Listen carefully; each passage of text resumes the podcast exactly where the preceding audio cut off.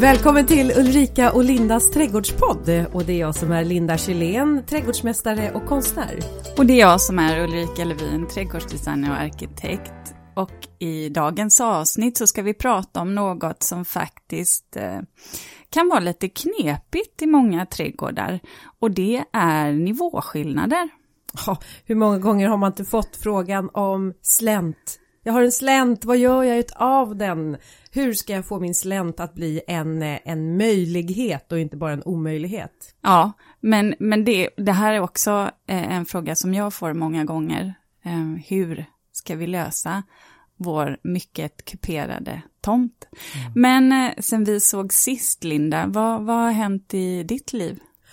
Och vet du, jag har hittat vårtecken. Åh! Oh. Ja, och nu tänker man så här, har hon hittat tussilago kanske? Men nej, nej, nej, nej, nej. eller snödroppar. Eh, vi bor ju, jag bor i Stockholm här, så att de har inte tittat upp ännu. Nej, vet du vad som är vårtecken för mig? Nej. Det är eh, när jag får ett sånt där inre sug av att gå ut i trädgården med sekatör och knipsa kvistar från forsytian och spirean och ta in och driva dem i blom. Ah. Du vet, det händer, det är någonting, jag vet inte, det måste vara en påverkan av ljuset, att nu är det på gång och det är så här eh, rutiner eller rutin, traditioner. Så att, eh, oj, vid den här tiden på året, då är det jag ute i trädgården och, och plockar. Så jag är så ivrig nu på att det ska börja och liksom spricka. Ja, men det är så härligt med den där skira grönskan, oh. när det fortfarande är lite vinter. Ja. Och vet du vad jag fick? Jag fick en bild av min mamma för hon, hon plockade in i november innan all snö kom på sin tomt så har hon eh, liljekonvaljer. Så då var hon ute så plockade hon in en, en liksom jord, jordplätt och satte den ute i sin grovantré där det är lite kyligt och sen har den stått där hela nu under två månader och då tog hon in den i värmen här nu och nu blommar den in hos henne. Nej men gud vad lyxigt. Ja, en alltså... egen uppdriven liljekonvalj, det var ingenting. Och då berättade hon att så här gjorde hennes mormor när hon var liten. Och då, min mammas mormor, hon var ju liksom född på 1800-talets slut. Så att det här är så här, ah, jag kände, åh, det där. Om man nu har liljekonvaljer hemma på sin tomt. Och sen planterar hon ju ut det här då. då.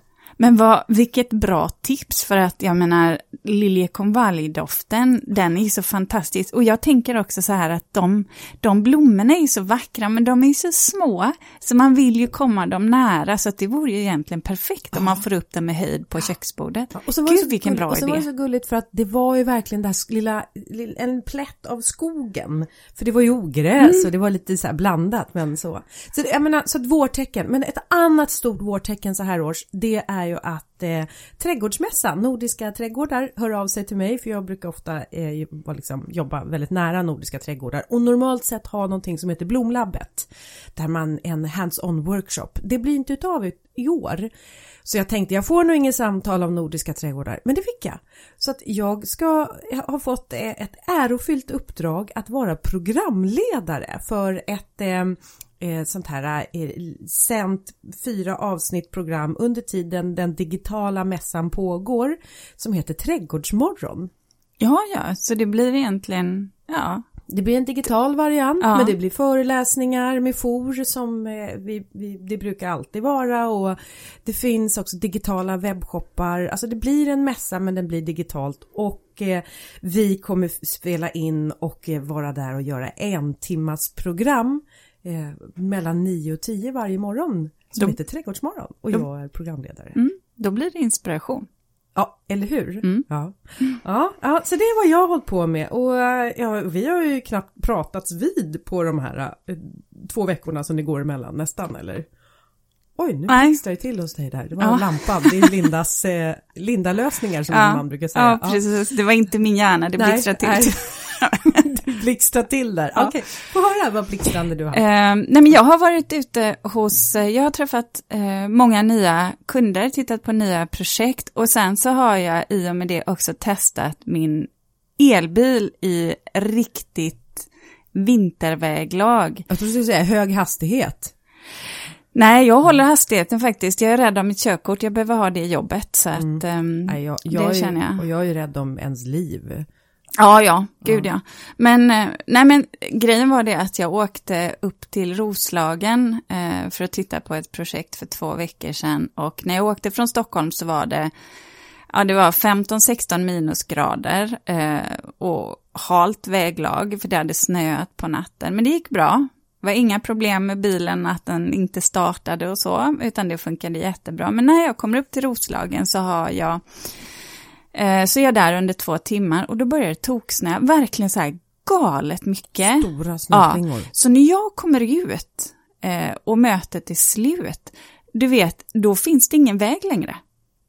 Eh, och då har jag ju någonstans kanske runt två timmars resväg hem. Och det var galet, alltså det är första gången jag använt GPSen för att faktiskt se hur vägen går. Va?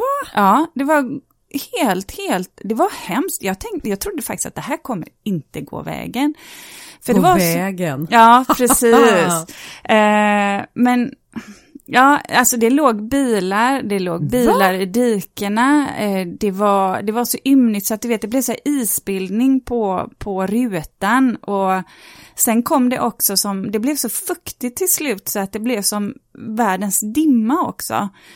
Min räddning var att jag hamnade bakom eh, en plogbil, två plogbilar. Eh, som då kunde, som spårade åt mig, för annars hade jag inte sett vägen. Eh, och nej, det var, det var faktiskt fruktansvärt. För det var ju inte bara det att man var orolig för att, att jag själv skulle åka av vägen, för jag tänkte jag åkte ganska långsamt och, och det var snövallar, så att jag tänkte jag, det är ingen fara. Men det var ju mötande bilar som slirade över på fel sida av vägen, som körde fort, eller bilar som kom bakifrån och inte såg mig i den här röken som höll på att krascha rakt också. in. Ja. Så att det, det var, mm, jag kan säga, jag hade så ont i nacken för du vet jag satt som du vet en sköldpadda när den sträcker oh, fram huvudet så här för att, ja, bara, för att vara så nära rutan som möjligt för att överhuvudtaget se. Oh, men, men, det gick bra, jag kom till Uppsala till mitt nästa möte och sen så, så löste sig resten av dagen. Eh, men dagen efter så åkte jag faktiskt och tittade på ett annat uppdrag med, just det vi ska prata om idag, med alltså extrema nivåskillnader och en backe som var ja, du behöver fyrhjulsdrift. Och där skulle jag ner med min lilla elbil. Jag tänkte antingen kommer jag sitta i räcket där nere, jag kommer inte flyga över, jag kommer sitta i räcket eller så går det bra det gick bra. Det släppte i slutet, men då kunde jag hantera det. Men kunde du ta det upp sen då? Ja, upp gick ju. Aha, upp, men ja. ner, ja. då, um, jag hade faktiskt tänkt att backa. Ja, eh, det har jag kommit på när man har, här utanför. Ja, inte neråt kan jag säga, hade jag inte tänkt att backa, Nej. för då hade du ju kört. Nej, men backa upp för. Ta en annan väg. Inte, ja, ta en, ta en annan väg. Ja, ja, det hade jag tänkt. Men allting klarar sig. Ja. Jag är jättenöjd. Mm. Men du, så här, du, jag tror du är en väldigt bra chaufför, du är metodisk. Eh, eh sådär forcerar inte, hetsar inte.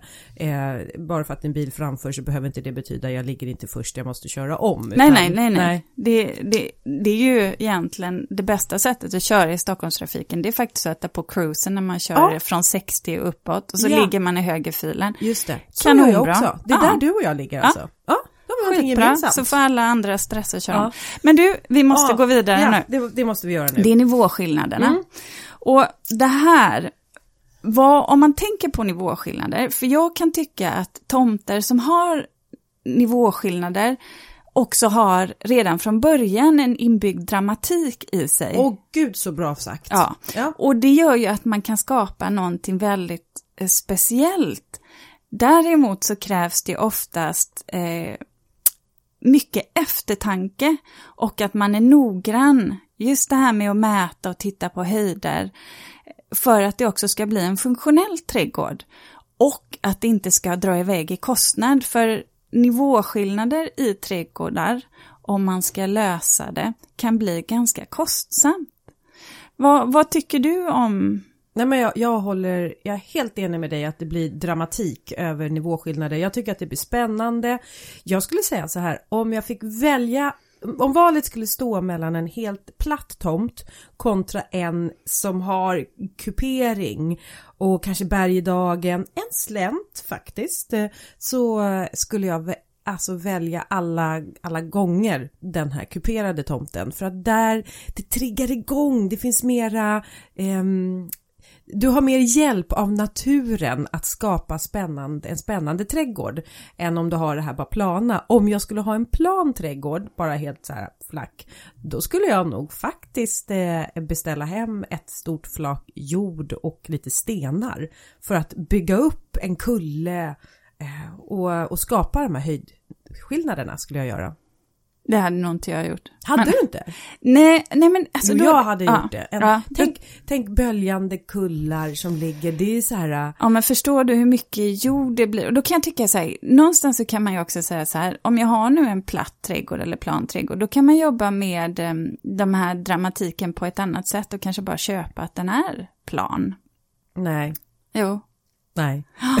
nej, nej jag, jag, jag har svårt nej. för det här som ser lite konstlat ut. Men ja. det beror ju på hur stor yta du har skulle jag vilja säga. På en liten tomt kan det vara lite knepigare. Mm. Men har du väldigt stora ytor. Ja men låt säga så här, man bygger ut sitt hus, man gräver neråt, vad gör man av de massorna? Ska man skicka iväg dem till, alltså på lastbilen och forsla bort dem? Eller ska man låta dem vara kvar hemma?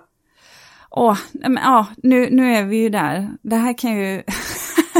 Nej men så här, det här kan jag tycka blir ett problem för att ibland kan jag hålla med dig om att rent eh, ekonomiskt kan det vara bra att ha kvar massorna eh, på tomten, men jag avskyr också när grävare, bara för att man inte, att det är nummer ett, att man behåller massor och sedan planar ut eller liksom försöker fixa till tomten på ett sätt som blir helt onaturligt och som sedan skapar problem i nästa läge mot tomtgränser och så vidare. Så att ja, jag, jag tycker ska man spara massor då får man banne med göra det med, med med, eh, alltså Finess. ha en plan. Ja, och sen veta vad man ska göra. Ja, mm. eftertanke. Men, exakt. Nej, men jag, jag, nej, jag, då är jag den som sparar massor, är jag. Ja, men inte bara för... massor, ja, det kanske också i dubbel bemärkelse. Eh, men om man tänker då, jag bor i ett gammalt hus, det gör du också. Eh, mm. Både du och jag har ju väldigt, du har väldigt kraftiga nivåskillnader, det har jag också i min trädgård mm. i och för sig. Men jag tycker din, hela din baksida är ju liksom i en nivå uppåt. Mm. Men det är också något som jag tycker har en förankring historiskt i, i alla fall trädgården som jag har. Det är ju en egna hemsträdgård och där odlar man ju på terrasser det var ju verkligen terrassering för att få ut mesta möjliga utav odlingsytan. Och såklart också skulle, eh, måste det väl ändå vara så att det är gynnsamt. Tänk alla eh, odlingar nere på Österlen, ligger de inte lite i en, en sluttning eller alltså terrasseringar i odlingarna, äppel och tänk vin, eh, vinodlingar. De ligger mm. väldigt sluttningar, tänker det måste vi tänka rätt där. Både och skulle jag vilja säga. Uppe vid Kivik är det ju väldigt kuperat, eller mm. Brösarps backar, annars så är det ju ganska platt i Skåne. Men det beror ju lite på. Men du har ju rätt i det här när man pratar om nivåskillnader som en, alltså som en tillgång. För det är ju också då att, att solen kan ja. ju komma åt ja, på ett annat sätt. Publik, mm. sådär, eller se, ja. Men solen kan ju också bli en nackdel om vi ska prata, med, eh, prata om det. För att det här med nivåskillnader i till exempel en slänt som är väldigt solbelyst, eh, det som händer då, eller i skugga för den delen, men det som händer är ju att vattenavrinningen eh, blir kraftig. Man får, får svårt att få fukten att stanna kvar i jorden är det skyfall så rinner det bara av. Mm. Och det är ju ett problem om det är så att man vill försöka plantera mm, i slänten. Mm. Det, det, är klart. Eh, där kommer man in på om man har en slänt. Nu beror det ju lite på eh, hur pass brant slänten är. Men om man nu ska täcka den med markduk eller en sån här eh, erosionsmatta. En typ kokosnät som håller kvar jorden på plats om det regnar. Mm. Jobbar du med sånt? Uh, ja, det är ju anläggarna som gör det, men um, det är klart att det beror på vilken typ av förslag jag ritar på. Men det finns ju flera olika sätt att jobba med nivåskillnader på. Uh, terrasseringar kan man ju göra, och då kan vi ju prata murar, mm. till exempel. Slänter är ju också ett annat sätt att jobba med nivåskillnader på. Eh, och också det sättet som egentligen är väldigt kostnadseffektivt. utifrån att murar blir oftast ganska kostsamma i Mm. en trädgård. Sen tycker jag att murar kan vara svårt att få in naturligt i trädgården utan att de tar över. De kan bli så dominerande. Det kan de och därför måste man ju vara ganska noggrann med vilken typ av material man väljer och också vilken känsla och utseende man vill ha på dem. Jag är inte så himla rädd för höga murar egentligen men det är återigen, man måste tänka till. Och en slänt kan ju så att säga, en marknivå kan ju, man kan ju förskjuta marknivån genom att fylla ut men man kan ju också skjuta en marknivå inåt för att gräva ur och på så sätt få en liten större plan yta, det vill säga att man gör en slänt i ena kanten och kanske en mur i den andra. Så att man får ungefär en balans däremellan. Just det. Men ett annat sätt som man kan jobba med nivåskillnader på för att kunna, kunna eh, använda sin trädgård, det vill säga att om man ska kunna vara på den som en uteplats eller vi kan prata att man ska gå på det. Det kan ju faktiskt vara att jobba med som eh, platåer, alltså plan ut som man bygger i trä, du vet som en spång eller... Här har jag skrivit upp en punkt Ja, och jag har skrivit en brygga. ja. Och det är faktiskt en ganska bra lösning för Det att... var mallig jag blev där. Ja. Jag hörde på min röst att jag blev så här, alltså jag med! Ja, Jag har också den tanken. Samma tanke. Jag först. Ja. För att grejen är ju det här att man börjar ju prata om eh, kanske vad man har för budget, men sen är det ju också vad som är bygglovspliktigt. Ehm, och normala fall så får man ju höja marken med 50 centimeter. Men som sagt var, det här gäller inte alla utan bygglov eller marklov. Men det gäller inte alla kommuner, så här måste man alltid titta och det gäller även murar. Oftast är det 50 cm stödmur som man får bygga utan bygglov. Men återigen, ehm, det stämmer inte för alla kommuner. Ibland så behöver man alla höjningar som görs ska man skicka in till bygglovsenheten för att de ska göra en bedömning. Sen måste man ju tänka på det här, om du gör en markhöjning om 50 centimeter och så tänker du, ja men då är inte det bygglovspliktigt. Då kan jag ju sätta en eh, stödmur på 50 cm som inte heller är bygglovspliktig. Men så kan du inte göra, för då har du gjort en markhöjning på en meter. Just det. Och då kommer eh, bygglovsenheten, kommunen ha en åsikt. Så att det här Men om man men säger så här då, om man nu ska bygga en brygga. Eh, Ja. Det kan ju vara så här, jag, ser, jag såg eh, en, eh, en vän och kollega till mig bygger ett hus just nu och där har de gjort en jätteläcker liksom, brygga ut, för de har sk- liksom en verkligen skogstomt med liksom, partier som är kuperat. Eh, och, eh, och sen har de gjort det som en spång ut och sen så till en större liksom, altandel. Där såg jag också framför mig hur man också kan, om man har vissa platåer i trädgården men det kanske liksom är svårt att ta sig till dem. Istället för att man då bygger trappor så kan man bygga de här eh, bryggorna som leder ut i trädgården fram till den här platån. Det behöver ju fortfarande inte vara platån vara i trä utan alltså en altan utan det kan ju vara en vanlig gräsmatta eller stenlagd yta. Men att man bygger sig fram med hjälp utav den här bryggan. Behövs det bygglov då?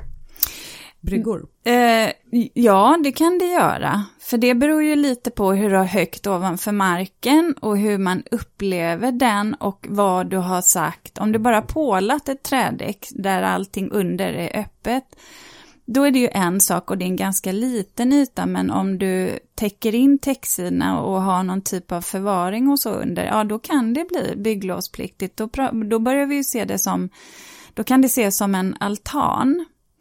Um, och då kan man börja prata om byggyta. Och, så att det där måste man nästan återigen kolla med kommunen och dessutom så behöver man nog fundera på hur stort det är. En spång kanske inte, men återigen det kommer ha med höjden och storleken, volymen att göra. Mm. Så fort vi pratar murar eller någonting, då har du ju gjort en markförändring och är den över det kommunen säger är Så min den där kullen som jag skulle kunna tänka mig att anlägga i en, en fla, flack trädgård. Den behöver jag bygglov för. Ja, Ja. så kan det vara. Mm. Mm. Och det, men det är viktigt också för att det här är någonting som många kunder går bet på. Det är ju så här att i många kommuner har ju problem med för höga murar och framförallt när vi pratar att de placeras i tomtgräns.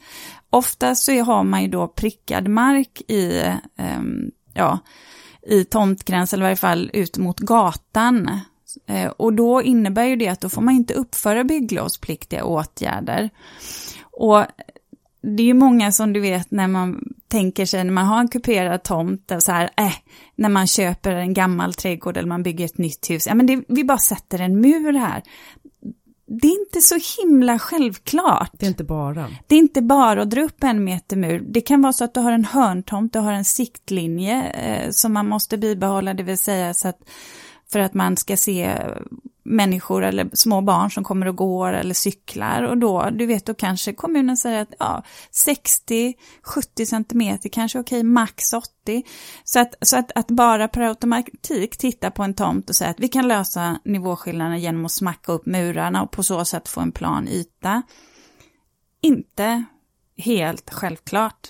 Du, eh, när eh, jag har ett jättebra liksom, tänk, eller så som jag brukar göra med slänter. Eh, och det är eh, att jag planterar någon klätterväxt längst nere där slänten tar vid, där den börjar. Mm.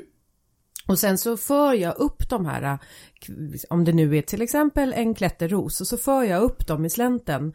Och då kommer ju till slut då, om man blandar då olika klätterväxter, det kan vara eh, rosor, klätterrosor, alltså Eh, den vanligaste är väl inte honungsrosen, den har ju sån växtkraft så att inte ens rådjuren hinner ju med att äta upp den. Mm. Utan, så den är ju bra, men så kan man ju blanda den till exempel med vildvin eller kaprifol eller någonting annat så att man får en, en mera variation i både blad och blomverk, blommor.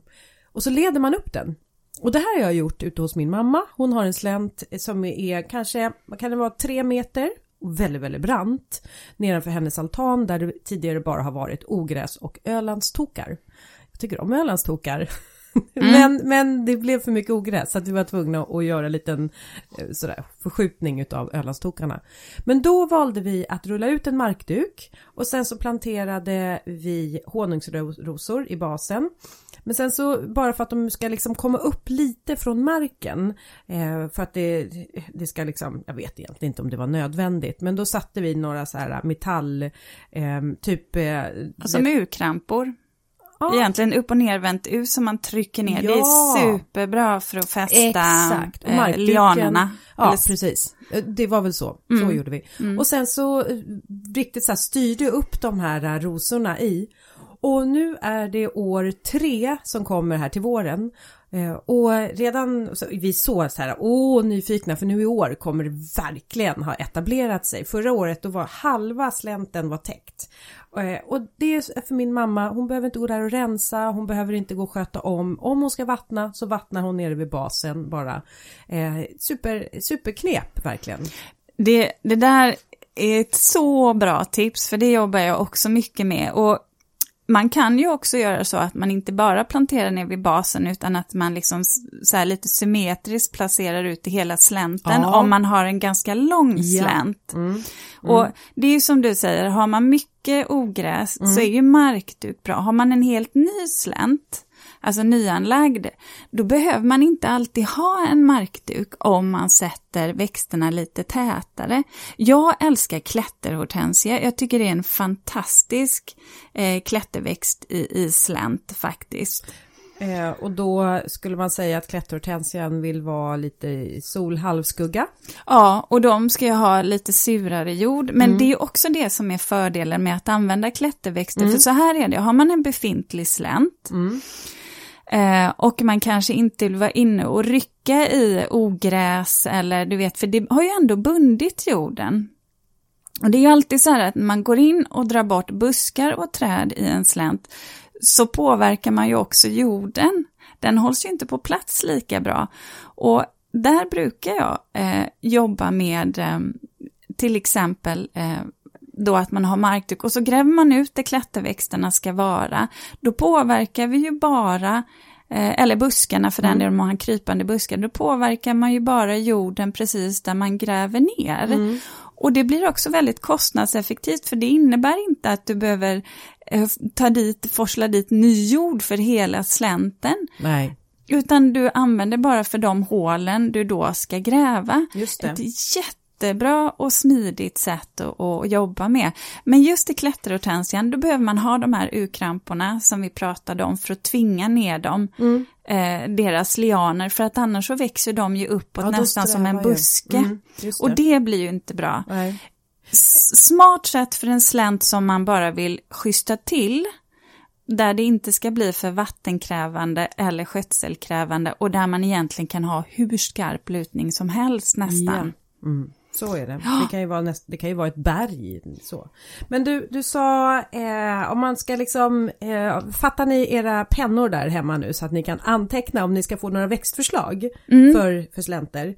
Och har man då en slänt i till exempel full sol, då skulle jag ju säga då, eh, dels så tycker jag att det finns ju många olika eh, rosor såklart.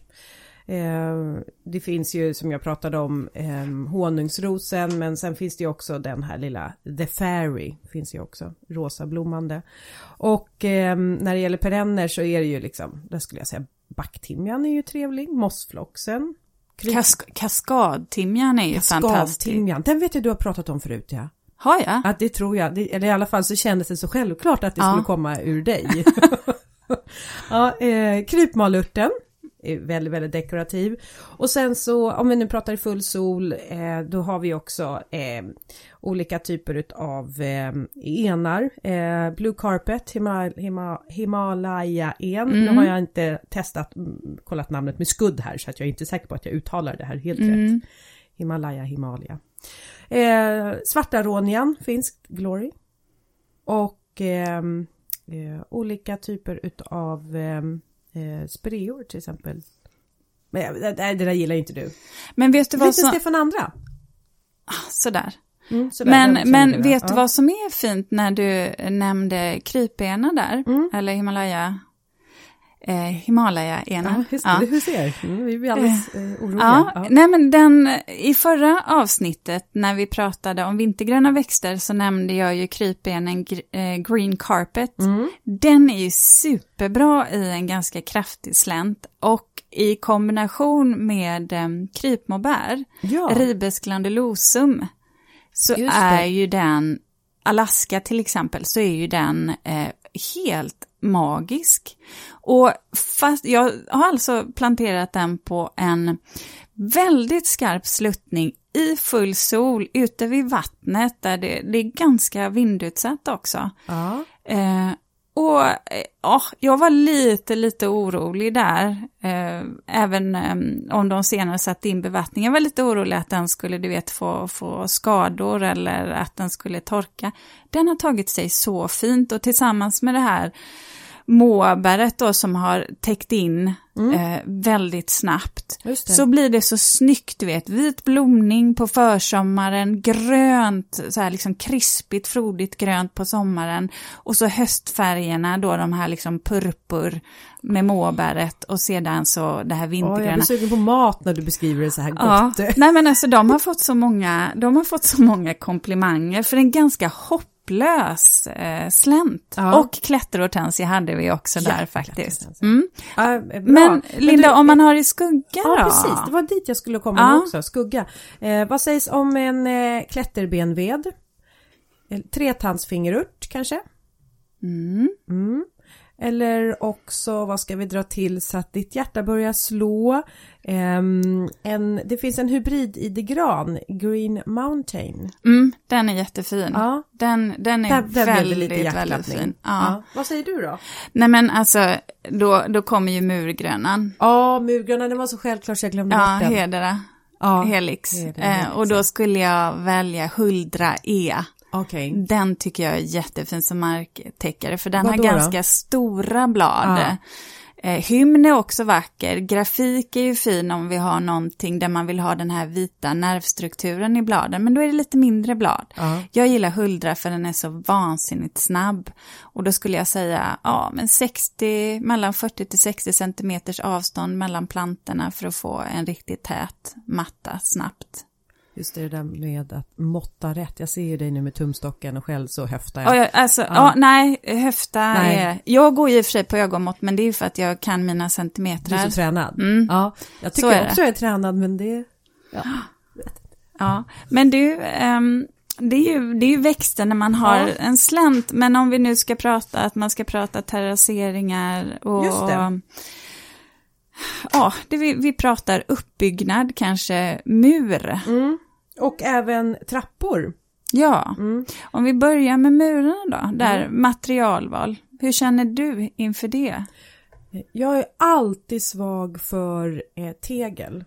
Mm, Att det är eh, så här... eh, Eller också, det kan vara Ölandsten, är också väldigt svag för. mm. Då blir kanske inte det så här, ja det kan ju bli höga murar det också, men det är någonting... Tänker du då att du bygger dem, dem vertikalt, det vill säga liggande Ja, platt, ja, som, som läggs på? Ja, eh, det är jag ju väldigt, väldigt svag för.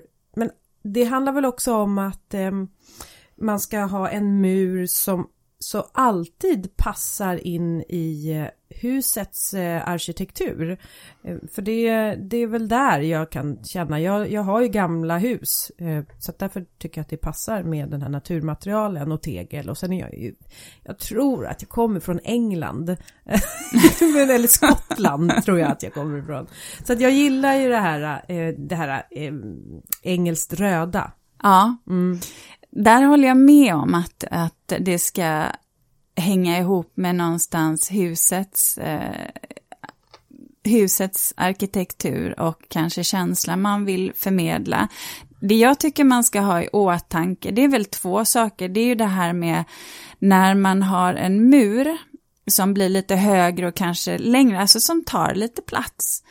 Ehm, om man då har till exempel tegel eller någon annan typ av mursten där det blir väldigt många skarvar, då kan det bli ganska rörigt för ögat. Då kan jag föredra när man har, eh, ja men du vet, när, när du kanske har en liten slätare mur eller mur, natursten, gjuten baksida som sen är klädd med oregelbunden skiffer eller granit eller någonting sådant. Eller riktigt stora granitblock. Det här, ja, det här det- har ju ofta med kostnad att göra. Jag kan tycka vanliga betongmurar också är väldigt schyssta för de blir oftast väldigt rena. Men det jag är allergisk mot, det är ändå murar som är putsade i vitt. I den här svenska eh, naturen eller liksom landskapet som vi har och så har vi vita murar och så kommer det fukt och så spricker det färgen och så ska man lappa. Det är för mig det är Spanien, det är Medelhavet. Jag tycker att det lyser.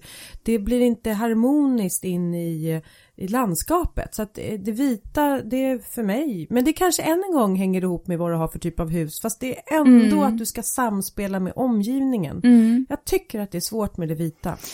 Det kan, ju, det kan ju spela in, men där nämner du någonting som är viktigt att tänka på. För att när man pratar om murar som man till exempel bygger i leka. Eh, vi har ju en rörelse eh, i och med att vi har vinter och tjäle. Och det blir, eh, det växlar, det blir mycket regn eh, oftast om, om på den kalla årstiden.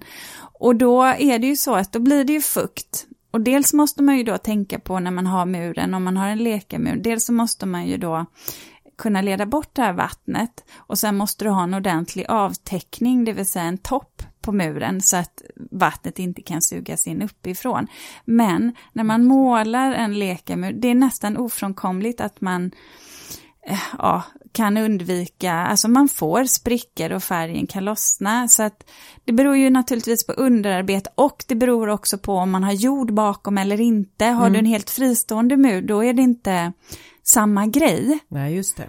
Men har du jord bakom, du vet när man ska vattna sina växter, där kommer du alltid ha ett litet fuktgenomslag i just den typen av mur. Så att det kan man ju tänka på. Och sen är det ju också så här att när man pratar murar så är det ju också så att vissa murar eh, som kanske klarar ett tryck kan man bygga upp till en meter om vi pratar om att man då ska ha jord emot, vi pratar stödmurar. Eh, sedan då så klarar inte den konstruktionen mer. En lekamur bygger jag sällan högre än en meter om du inte då har ett ordentligt fundament bakom och så här, du vet att man nästan bygger det som en vägg. Mm.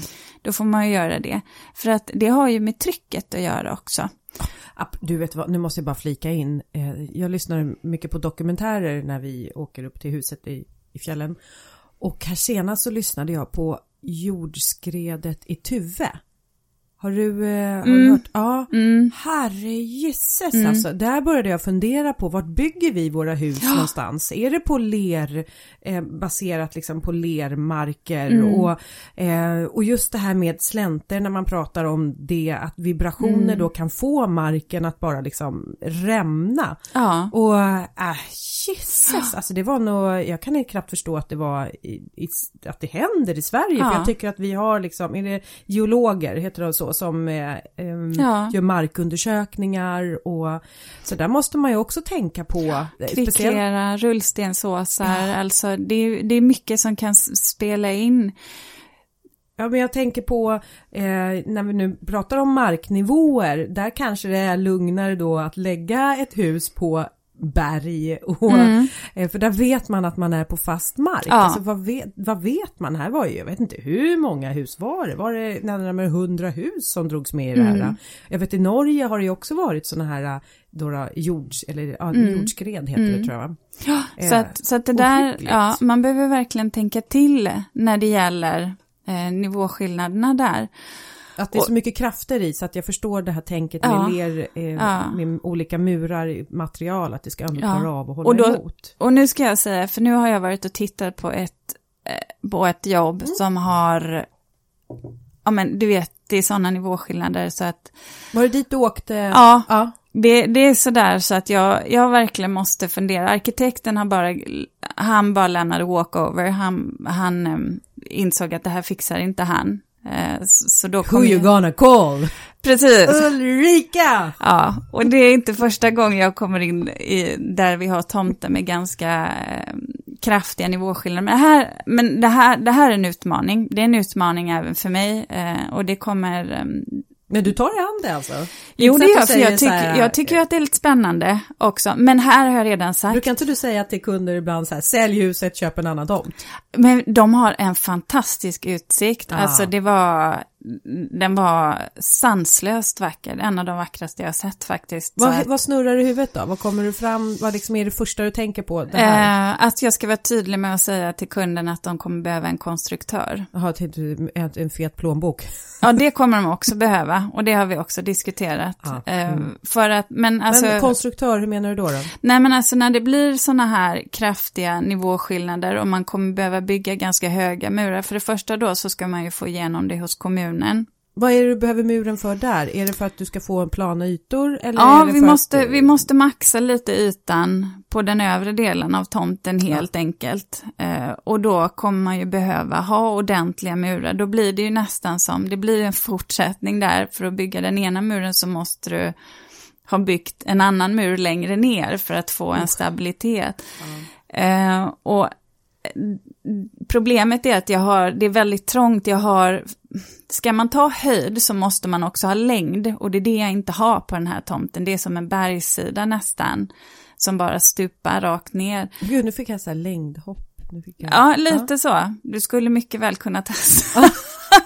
Köra en sån här backhoppning eller vad det heter. Ja, men, Det det ska du ta höjd måste du ha längd. Ja. Bra, bra där. Ja. Ehm, och det, den där eh, kommer vara knepig eh, att, att lösa. Och sen så ska det ju då också godkännas av bygglovsenheten. Men vi får se, jag ska ju lämna en offert i första skedet. Men ehm, ja, det där, det här är utmaning. Men du sa någonting där, det vill säga när vi pratade med höjd, att man behöver längd Mm. också. ja, precis. Be- Berätta Och om den för du, tanken. pra- ja, för Ja. du pratar ju också om trappor och tänkte jag, Ja. kan vi komma in på det? För att så här är det, att om man till exempel skulle vilja plantera i sin slänt, säg att du ska plantera en häck, alltså någonting du vet som inte ska krypa längst med slänten utan där du kanske vill ha det lite mer upprätt växande. Då kanske du kan ha en lutning som är en på tre. Det vill säga för att ta en höjdmeter så behöver du ha tre längdmeter. Då får du en okej okay lutning. Och ska man sen gå i en slänt, eller du vet när jag gör gångar så här om man till exempel ska tänka på att det ska vara tillgängligt för någon som sitter i rullstol. Jag fastnar fortfarande på en på tre. En på tre? Ja, om, nej, men om du har, ja, om du har en höjdmeter som är en meter Mm, högt, mm. för att du ska kunna sträcka ut den i en slänt Ja. och få en lagom lutning, det vill Ja. säga Aha, okej. Då behöver då du ha... behöver du ha tre meter på längden för Okej. att kunna lägga, Ja, men om vi, om vi försvårar det då, om vi säger att du har två meter, ja, då måste du gå två gånger tre då eller? ja, då, ja, då får du ju sex. Sex meter då? Mm, ja, exakt. Ah. Det var inte så... Nej, men ibland Svårt. måste man repetera kunskapen för att se om den sitter. Så Men det är korrekt nu uppfattat. hängde- Ja, det var, ja. hängde ni med också med här Ja. alla ni som lyssnar? Ulrika är, är så smart. matematisk. Ja, ja, Ja. det är det du är. Ja. Men, Men okej, du, men längd- så det är ett, litet, det är Ja, ett magiskt ja. mått man går efter? Ja, men, men har du en lutning på till exempel, ska du ha en, eh, ja, en, kunna gå med rullstol eller ha en rullstol, ja då får lutningen absolut inte vara mer än en på tolv. Det vill säga en meter då ska tas på tolv meter. Oj! Det är ju så om du ska göra ramper och sådär. Just Så att, och någonstans då så kan man väl tänka sig att du ska ha, om du ska kunna gå i den, alltså vara i den slänten så är det väl någonstans däremellan. Man kan jobba mellan de här två lutningarna. Så att, eh, Men så det har egentligen inte med eh, det estetiska utan snarare funktionen när du pratar längd med höjd? ja, och då kommer vi tillbaka till det här att hur ska man röra sig? Är det så att man ska gå, alltså forcera de här nivåskillnaderna på något sätt när vi pratar trappor? Ofta så är det väl så här att man kanske har parkeringsytan långt ner Mm. och sen så ska man ta sig upp till huset och, som ligger på en högre nivå och, och däremellan då ska man ta Mm. sig då med till exempel trappor. Ja, och då kan jag tycka att det finns, att det är viktigt att tänka på, speciellt om man har berg.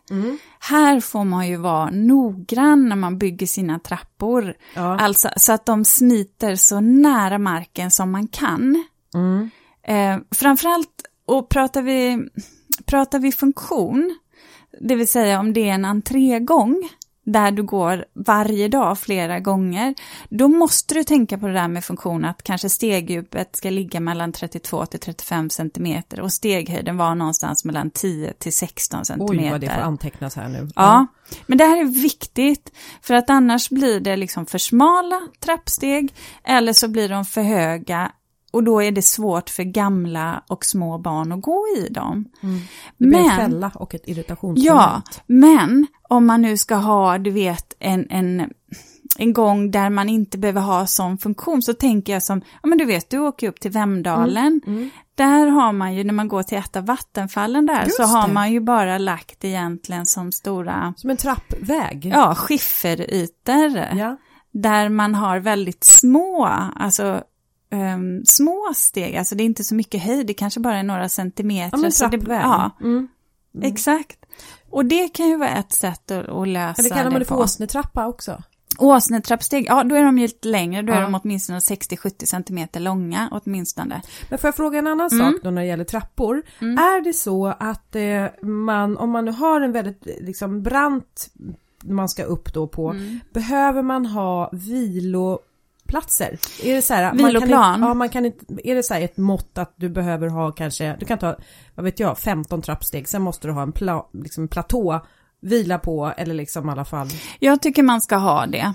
eh, för att det, det behöver man nästan när det långa trappor. Det här är- med trappor är alltid knepigt för det beror ju på hur mycket utrymme man har. Men då ska man ju tänka på en trappa behöver inte bara gå rakt. Man kan ju lägga det som ett L, du kan lägga det som ett U.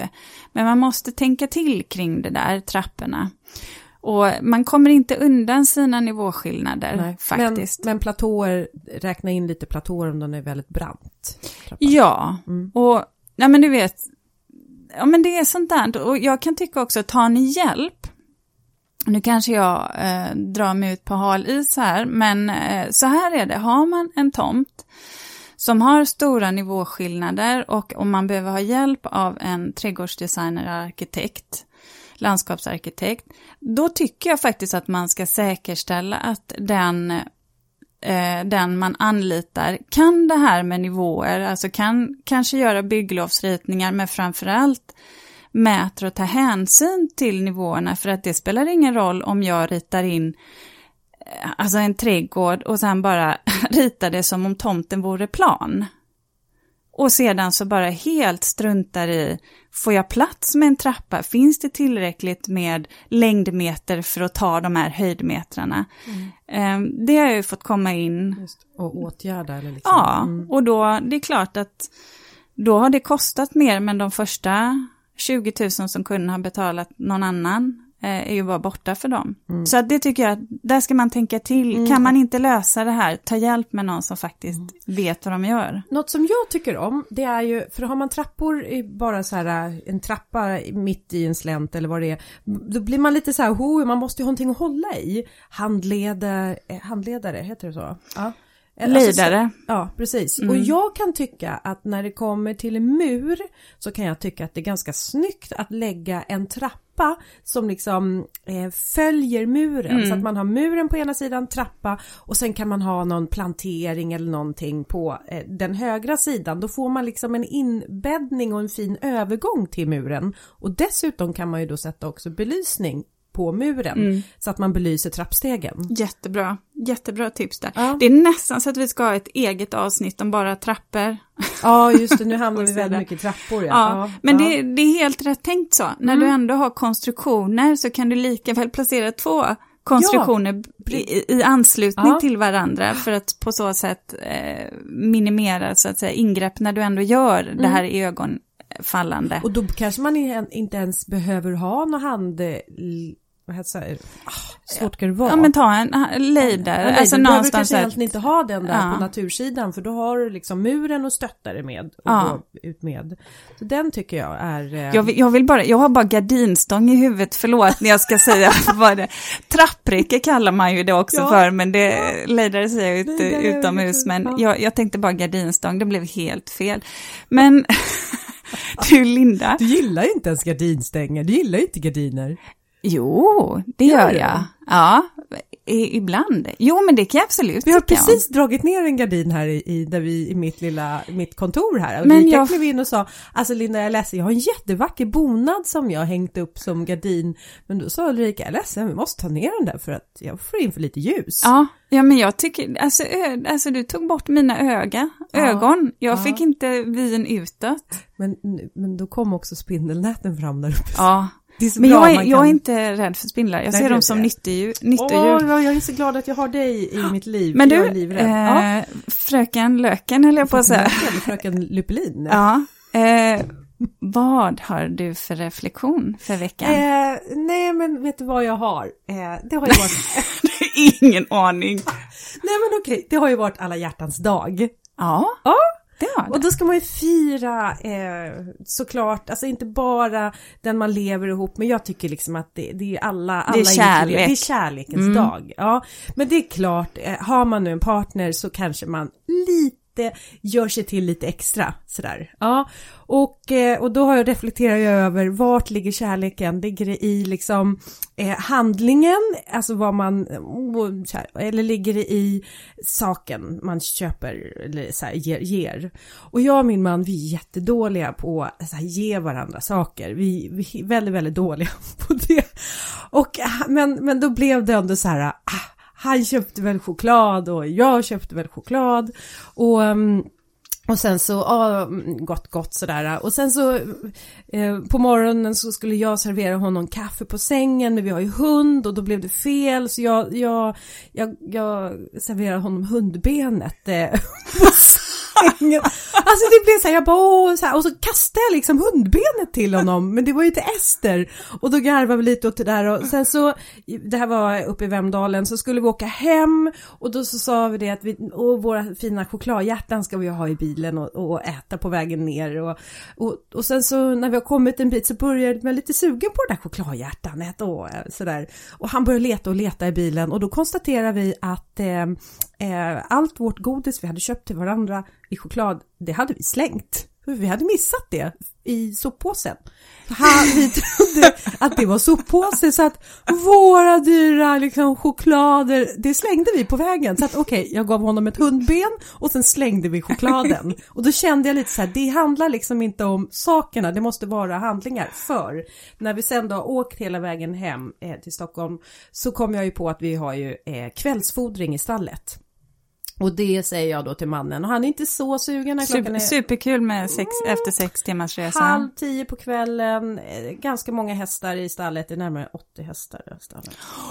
Åh oh, herregud. Ja, så, jag, så, här, så inte mannen hör hur många hästar det är. Nej. Men, eh, men alla, nej, det är lösdrift så att det var inte så många som stod inne och sa honom. Men då säger han så här, bra, då gör vi det. Och så ställer han, liksom, han hjälper mig i det här utan en massa. Och då tänkte jag, det är ju där kärleken finns. Ja i. Skit i att de här chokladhjärtarna slängdes ja. och hundben serverades. Det är ju det här som är kärlek. Det där självklara. Det är självklart, mm. han finns där. Han, han är med liksom. Fint. Fint. Tycker Så det jag. var en bara reflektion att ja. kärleken är, är inte dyr. Nej, värdefull. För, utan den är värdefull. Mm. Mm. Ja men det var en liten sån reflektion. Ja, ja okej okay, nu är du jätteladdad. Få ah. höra Ulrika. Åh, det glittrar i ögonen på dig. Nej, men ah. alltså jag var på ett läkarbesök här för ett tag sedan eh, och eh, då skulle jag kolla mina prover i journalen kan man ju göra digitalt nu. Och så här är det, när jag har varit hos läkaren de senaste, eh, de senaste åren så, här, så har jag alltid, det har alltid stått i anamnesen med beskrivningen läkaren skriver, vältränad kvinna. Mm, den här gången stod det helt plötsligt medelålders kvinna. Och jag bara kände så här, nej men vänta, vad har hänt? Är det bara... Ja, lite så oh, faktiskt blev jag. För det var ju inte du. Nej, för, för jag bara kände att okej, okay, nu har det här bara med ålder att göra, för det har ingenting med min fysik att göra. För fan, jag sprang ju eh, liksom 60 meter blankt eh, i somras, så att 60 tyckte, meter blankt? Ja. Nej, ja, 60, meter, 60 meter på 9 sekunder. Ja, ah, är det blankt? Ja, 9 blankt då, förlåt. Ja, jag tänkte 60 meter blankt, jag tänkte nej. ja, ja du, du är nog ändå medelålders. Ja, nej, 60 nej, okay. meter på 9 sekunder Aha, blankt. Och det oj. sprang jag också när jag var 12 liksom, så då tänkte jag att, ah. Det där måste man ju testa. Ja, ja. En, en hänger jag med tänkte jag. Men, nej då så gick jag faktiskt, då, då funderade jag just på det där alltså kring identitet, för jag kände nog att det där med att vara vältränad, eller så att träna, det är en stor del av min identitet. Och, och, jag gick och skruvade lite på mig för att det är ju så här att efter, efter en hjärnhinneinflammation som jag har haft så lever jag lite med hjärntrötthet. Och det har också inneburit att det här med träning inte har blivit lika självklart för att jag blir oftast jag kan bli, trött blir man ju alltid efter träning, men nu blir jag trött på ett sådant sätt så att jag kan bli slut. Så att jag måste hushålla med hur jag tränar egentligen. Och det där har jag lite svårt att komma till rätta med. Um, för det är inte hur jag ser mig själv. Nej. Och då kommer jag också tänka på det där, ja men i mitt yrke då, eh, är jag är jag arkitekt, alltså är jag mitt jobb? Och det slog, jag, det slog mig att även om jag tycker mitt jobb är kul, så, så är jag, det, jag, är, jag är inte mitt jobb och mitt jobb är inte jag. Och då kommer jag att tänka på också, men sådana Oj, som är... Vidare. Ja, ja, men sådana som är sina jobb, ja. till exempel en präst och... Och så kommer jag att tänka på dig. Ja. För du är ju trädgårdsmästare. Men du är också konstnär och då undrade jag lite hur, av de två yrkena eller sakerna som du är, vad, vad är det du inte kan vara utan? Alltså vad, vad är det som du bara är? Mm. Vad är det som jag bara är? Det är för djupt för mig. Ja. Nej men eh, vadå? Eh, Nej men jag tänker så här, trädgårdsmästare, du har ju haft ett annat yrke och jag kan Ja. även tänka mig att du skulle kunna ha ett annat yrke även om du skulle tycka att trädgårdsmästeriet ändå är någonting som du Mm. Okej, skulle ha ja. som hobby. Mm, Men konstnär, det är väl Men- en del av din själ? Mm, ja, men det- Eller ditt ja.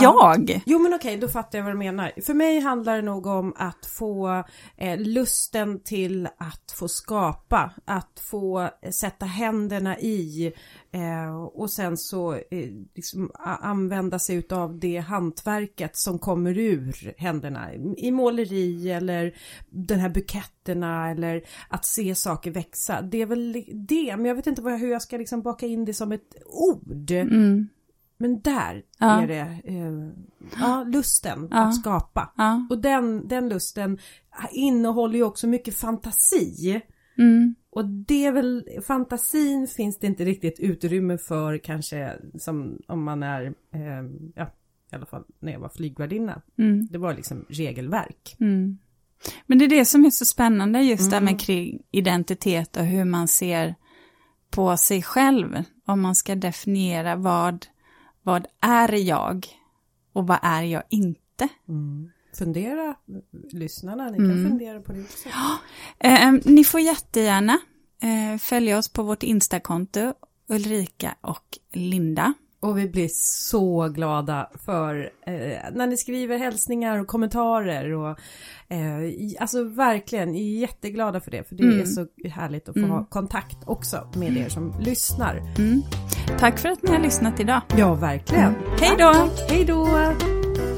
Så, aha, så nu ska fundera blixtrar det igen här borta. Jag kommer få en